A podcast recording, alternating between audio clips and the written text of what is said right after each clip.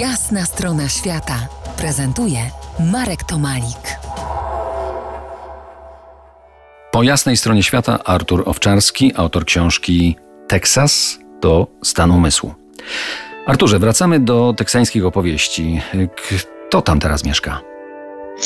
Tak naprawdę połowa populacji to latynosi. Biali są w mniejszości.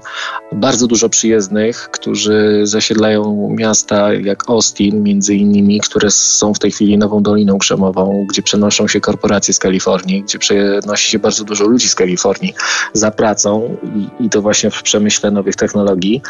Wszyscy, tak jak w Stanach. Jest to kraj wielu narodów. I aż 1% rdzennej ludności Ameryki. No pewnie tak. Niestety wygląda to tak, jak wygląda. Natomiast Teksas na pewno nie jest biały. Jest, jest bardzo latynoski. Tak, ale tę statystykę właśnie a propos tego 1%, y, to jeszcze wracając do historii, umocnił rewolwer bębenkowy, to z twojej książki wiem, wynaleziony przez Samuela tak. Colta.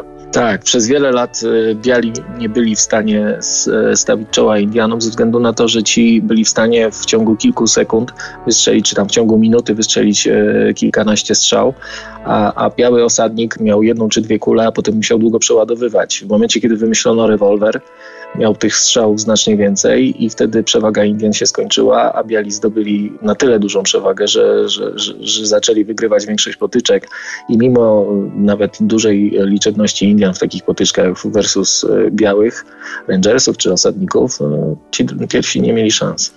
No i tak już zostało. W stanie Teksasu obowiązuje daleko idące prawo do posiadania broni palnej i prawo własności. Między innymi można zabić osobę, która wtargnęła na prywatną posesję. Tak, jest to prawo i oczywiście za każdym razem jest to rozpatrywane, czy, czy ktoś użył tej broni zgodnie e, z tym prawem. E, no ale takie prawo jest.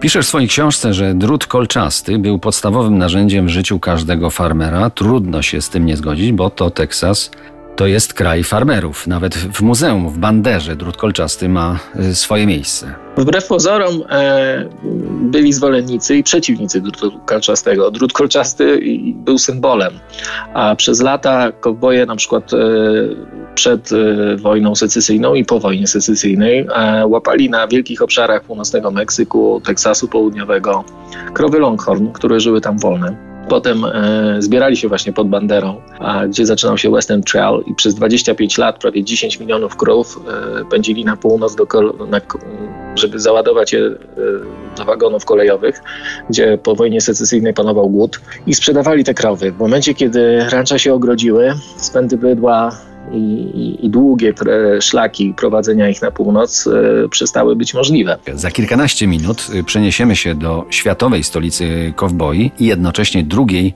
najstarszej osady Polski w Stanach Zjednoczonych Ameryki. To jest jasna strona świata w RMS Classic.